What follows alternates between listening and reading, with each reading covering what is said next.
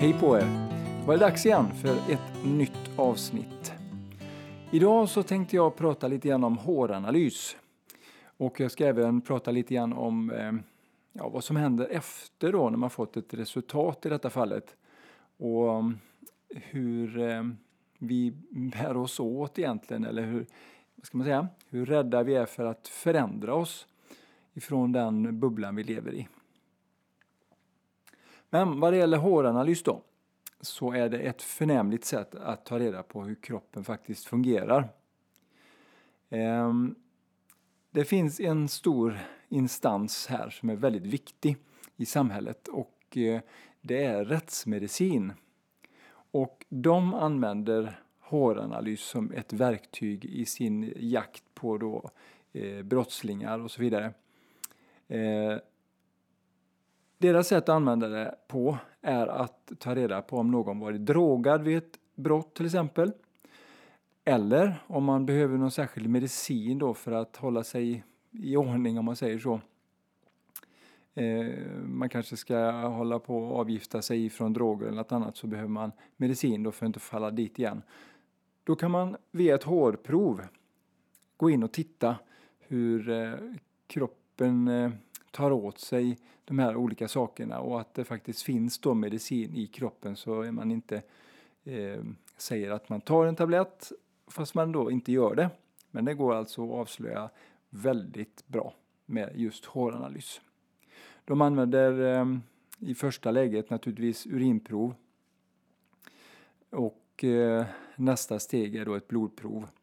Men för att få exakta mått, om man nu ska säga så, på dagar och veckor och så vidare så använder de faktiskt hårprov. Och det är rätt så intressant. För när man tittar på nätet och man söker på hårprov, håranalys och sådana här saker så är det väldigt många som tycker att det är, ja, som jag har pratat om innan, lite hokus pokus och bluff och allt vad det är för någonting. Och eh, då har man ju som sagt, man har ingen koll då när man slänger ur sig sådana här saker.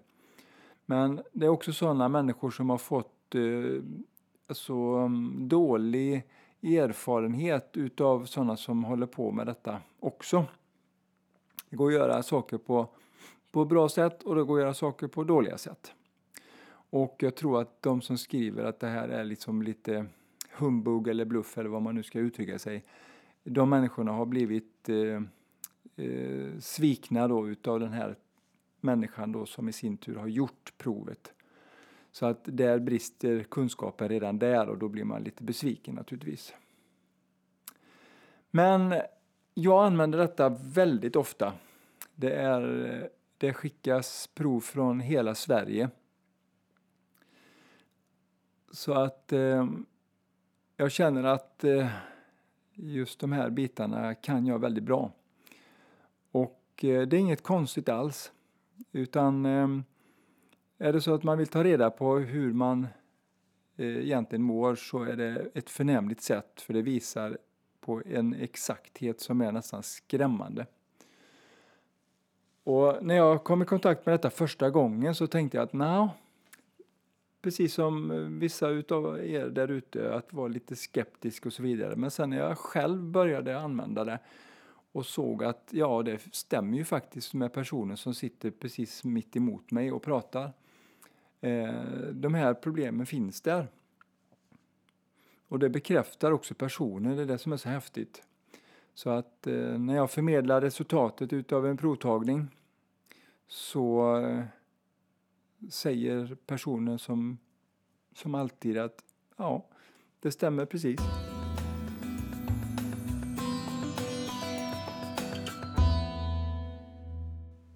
Ja, det som är så häftigt med håranalys det är liksom att man kan se så långt tillbaka i tiden. Men det går också att eh, jobba förebyggande. För det dyker upp saker och ting som man ser att okej, okay, det här ser inte så bra ut. Utan här får vi göra en insats för att inte saken eller det här problemet då ska bli värre i framtiden. Så det går att jobba både förebyggande och sen så går det att rätta till problem som är just nu och så vidare. Och då tänker ni att ja, men det vore ju jättebra om man kan se liksom i, i förra veckan för då mådde jag väldigt konstigt. Ja, man kan se dit också, men man kan se ännu längre om eh, hur det var innan, om man säger. Va? För alla de här symptomen som kommer fram, det är ju sånt som har byggts upp på vägen. Eh, och då i slutändan, eller man nu ska säga, så har det liksom blivit migrän och det har blivit muskelvärk och det har blivit eh, håravfall eller dåliga naglar eller ledvärk eller vad som helst. Och det här kan man då gå tillbaka och titta. Vad hände här? 87? Nej, inte så exakt. Men däromkring och då bekräftar ju personen i fråga själv de här sakerna som man då senare berättar. Hur går det till nu då? Jo, man klipper lite hår på huvudet. Har man inte hår på huvudet så får man ta på andra ställen där det finns möjlighet då. Det går också lika bra. Men huvudhåret är det viktigaste, det gäller för djur och människor också då. Hästar tar man manen. Eh, hundar tar man lite hår då, eh, lite päls då allmänt. Och det klipper man så nära huvudet som möjligt. Så att eh, här klipper man då eh, huvudhåret så nära hårbotten man kan och sen då eh, så att det blir som en tuss i, i form, eh, ja vad ska man säga, eh, och jag brukar jämföra med blyertspenna i bredd. Så pass mycket hår behöver jag ha då för att det ska kunna gå att, gå att hantera, man säger, i processen. Sen analyseras det här håret då och hår lagrar allting som vi har i kroppen. Så allting som snurrar runt med lymfa och blod och allt vad det är för någonting. Det lämnar lite information i håret för varje varv nu om man ska förenkla det här för det är otroligt avancerat eh, annars då. Men så att ni ska hänga med på lite grann hur det funkar. Eh, och den här informationen då, den består utav mineraler, vitaminer, aminosyror Eh, Eh, det kan vara virus i kroppen, eh, olika sorters bakterier och sådär. Och det lagras då i, i håret. Om du tänker dig ett träd med sina årsringar så är det ungefär samma princip då. Jag förenklar allt detta nu som sagt var så ni förstår det. Men som årsringarna på ett träd och då kan man alltså gå inifrån och ut eller tvärtom hur man nu vill eh, titta på det och se när saker och ting inträffade vad var det kan ta vägen någonstans då vad det gäller i förebyggande syfte.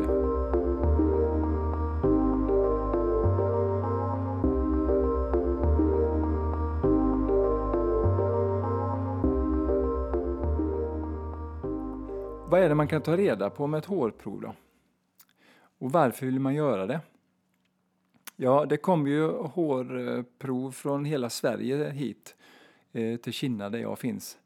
Och, och det, är, det är väldigt kul faktiskt att se att eh, eh, folk är intresserade av sin hälsa och mår bra och så vidare. Dock är det så här att det vore ännu roligare om det blev tidigare. Att man gjorde ett sånt här prov mycket, mycket tidigare. För många går med här, de här problemen som man har då i kroppen med magen eller man har migrän och så vidare. Man går med det för länge. Eh, och vår första ehm, kontakt är ju vårdcentralen såklart när man mår dåligt. Och det är fantastiskt, det ska vi ha den kontakten självklart. Men när man har gått där i x antal år och man fortfarande mår ungefär som när man kom dit första gången. Det är då folk börjar titta på andra lösningar och på andra eh, saker som finns där ute med alternativa medel. Då. Eh, och då skickar man ett hårprov. Då börjar man bli lite intresserad helt plötsligt utav att rätta till saker och ting när man har gått för länge. Och det är väl jättebra. Så att eh, det finns all möjlighet att få rätsida på saker och ting. Men vad är det man kan se då i håret och vad är det som lagrar sig där? Eh, jo, det blir spår utav olika saker. Miljögifter till exempel. Eh, det blir spår utav eh, saker vi äter allmänt som vi stoppar i oss vad det gäller tillskott eller att vi inte stoppar i oss några tillskott så kan man då följa upp brister av olika saker. Och det är alltså allt ifrån, som jag sa tidigare, eh, små aminosyror, det är enzymer och det är mineraler, vitaminer och så vidare. Se hur blodet fungerar, om det syresätts ordentligt, Hur fungerar vårt lymfsystem? Eh, samlar vi på oss gifter i muskulaturen och vävnaden? Går vi runt med värk i, på olika sätt? Eh, är kroppen förgiftad? Allt sånt kan vi se. När man väl har tagit reda på det här då, då får man ju ett resultat som man säger då i Melodifestivalsammanhang. Och då ska man göra någonting åt detta. Och det presenteras ju då här, antingen på telefonen eller att man kommer hit då när man eh, bor i närheten kanske då har lämnat in ett hårprov. Så får man komma hit och så pratar vi igenom alltihopa. Eh, hur det ser ut då, vad, vad man kan göra av det. Eh, och personen som sitter framför mig eller som finns med i telefonen bekräftar, eh, ja, jag, jag skojar inte om det är 95 procent utav det som framkommit i analysen. Så stämmer det. Och de blir lika förvånade varje gång att ja men hur kunde du se det? Det är ju länge sedan jag bröt benet till exempel eller herregud den infektionen hade jag ju då på 70-talet och det var si och så. Och sen har vi en liten finurlig grej till och det är att man kan se det, det psykiska också. Alltså det emotionella, dina känslor och alltihopa finns i håret också. Så där sitter jag ibland och berättar saker och ting som att eh, ja, hur är det egentligen på jobbet? Är det stökigt? Eller hur trivs du i miljön? Eller är du påverkad av miljön på något sätt? Jobbar du ute när det är kallt och kyligt? Eller sitter du inne och fryser? och sådana saker. Det kommer också fram. Och då kanske man då i sin tur mår dåligt eller något annat. Det kommer fram ilska, det kommer fram eh, frustration eller oro, stress och såna saker som man då kan ta reda på eh, var de kommer ifrån helt enkelt. Och det bekräftar personen, antingen du sitter framför mig eller eh, du är i telefonen. Så ja, jag skojar inte om det. Det är 95 procent så är det som klockrent. Så att det är nästan så jag ryser emellan varven också. När jag får höra att ja, men, eh, jo, men det var ju si och så, men hur kan du veta det?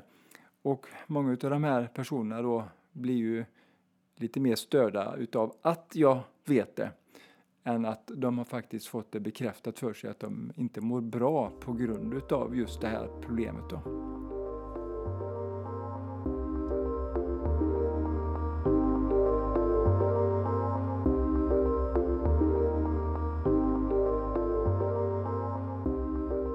Ja, då har vi ett resultat då utav håranalysen. Och vad gör vi nu? Nu ska det till förändring. Och det är ett ord som brukar eh, som ge kalla kårar över ryggraden på en del människor. En del tycker det är jättebra och andra blir då som sagt var lite illa berörda. För helt plötsligt är det någon person som inte känner dig. Eh, jag vet ju inte hur, hurdant förtroendet är direkt och så vidare. Jag kan väl känna av lite grann hur det känns naturligtvis när man i och med att det går att se så mycket ifrån ett sånt här prov. Eh, men då i alla fall så ska man vara inne och peta i de här sakerna och göra en förändring.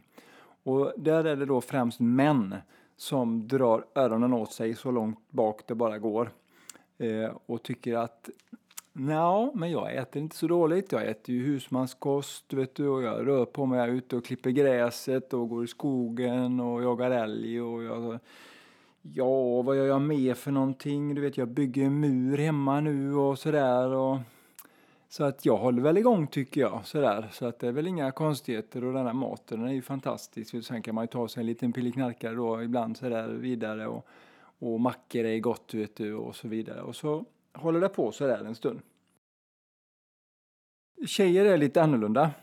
Eh, de har en eh, liten annan insikt helt enkelt. Eh, och de vet med sig att något är tokigt.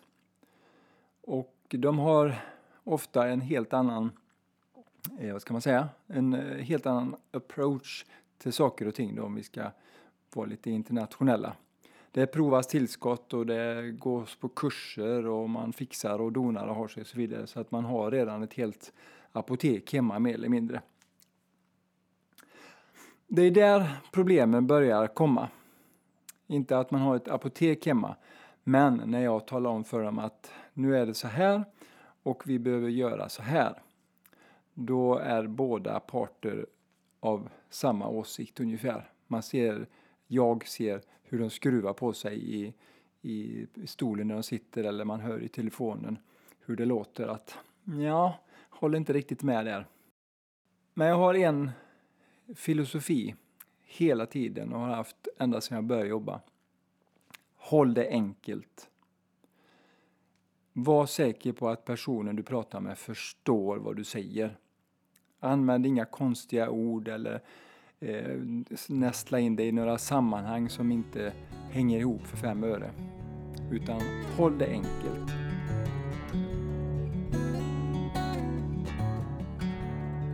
Så det jag brukar börja med det är att eh, stämma av då hur deras apotek hemma ser ut egentligen. Det brukar finnas en del eh, mineralburkar och det är vitaminer och det är olika piller av olika slag. Där börjar vi. Och eh, då handlar det egentligen om att nollställa så mycket som möjligt.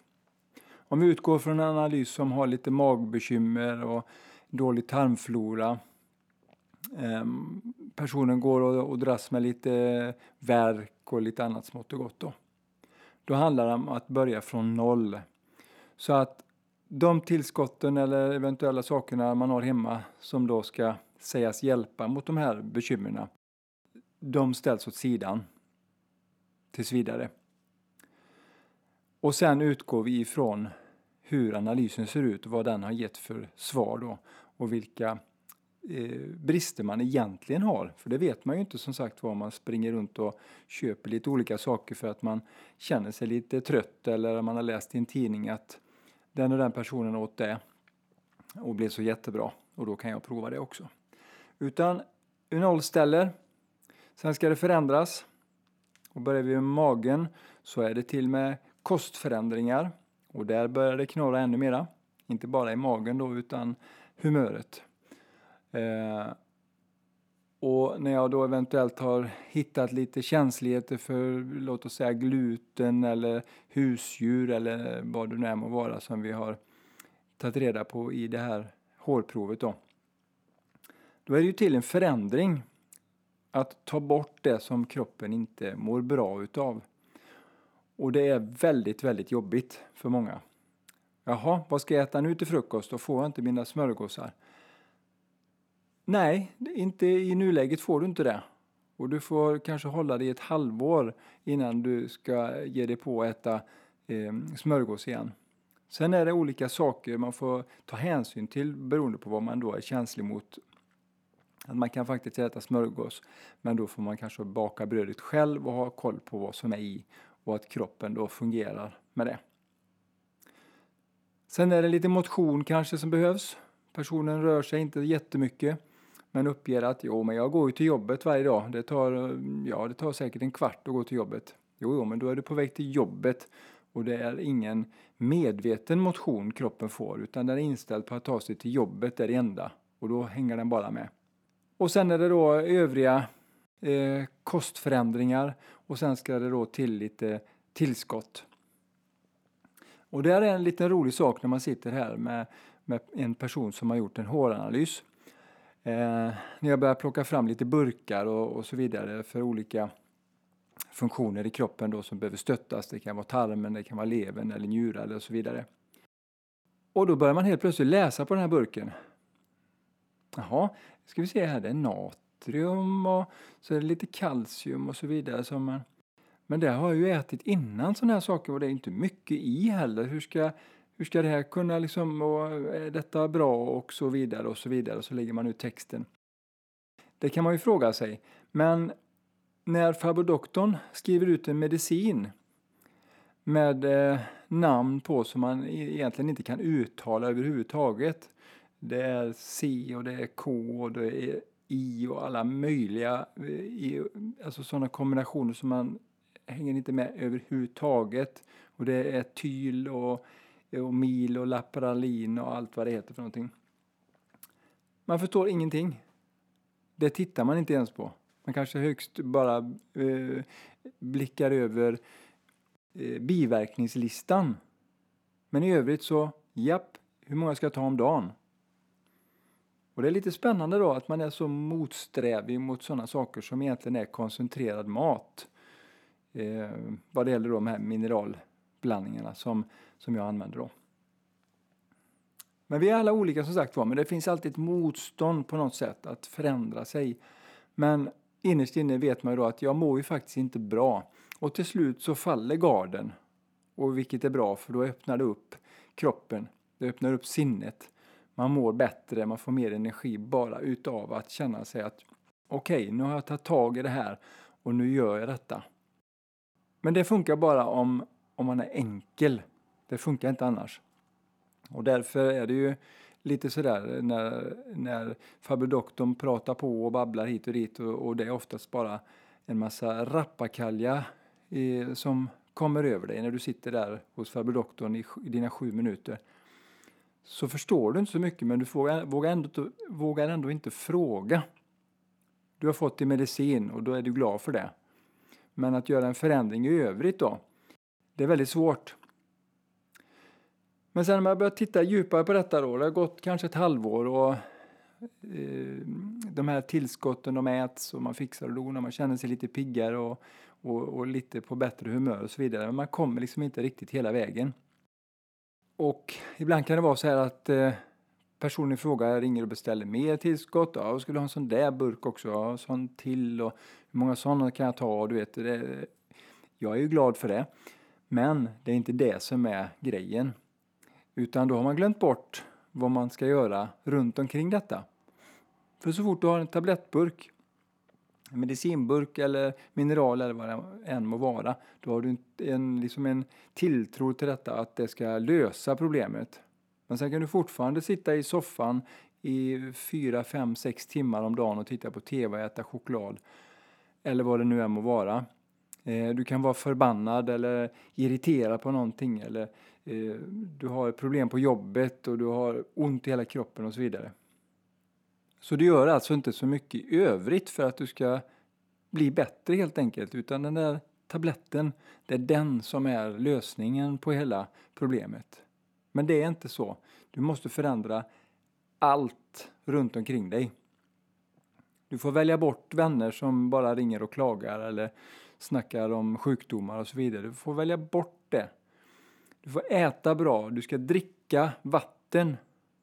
Du ska sova ordentligt, umgås med bra människor och ta tillskotten också naturligtvis. Men det är fortfarande en helhet. Du ska förstå varför du gör det. Det är för att du ska må bra, du ska ha en kraft i kroppen, energi som räcker hela dagen. Och inte bara till dig själv utan till andra också. Det är det som är det stora. Och det är ett jättestort jobb, både för mig och för den personen då som har de här bekymren. Men det går att lösa och de som hänger i ett år eller vad det nu är må vara, man förändrar sig, det tar tid. Men jag blir jätteglad när jag ser de som kommer tillbaka eller som jag pratar med efter kanske två år och de har hängt i och hängt i och hängt i och de mår bättre, allergin är borta, verken finns inte så mycket mera. Alltså till exempel 80 procent av verken har försvunnit. De kan vara ute och gå och röra på sig, de kan vara ute med, bland folk och, utan att magen lägger av och så vidare. De behöver inte vara oroliga i den bemärkelsen. Det är fantastiskt både att höra och se och hur glada de är och hur, hur bra de ser ut att må. Det är en helt annan lyster på håret, ögonen, hud och alltihopa ser helt annorlunda ut. Men då har de tagit tag i det. Sen kan det hålla i tre, fyra år, det kan hålla i fem år, det kan hålla i tio år. Men det kan hålla i ett halvår efter det också då. Tills det rasar, det händer någonting. Eh, det strular till det hemma, man får skilja sig eller någon går bort i familjen eller något annat händer. Så skiter det sig rent ut sagt. Men då vet du nästa gång hur du ska göra. Förändring är bra. Ha det gott så länge så hörs vi snart igen. Hej då!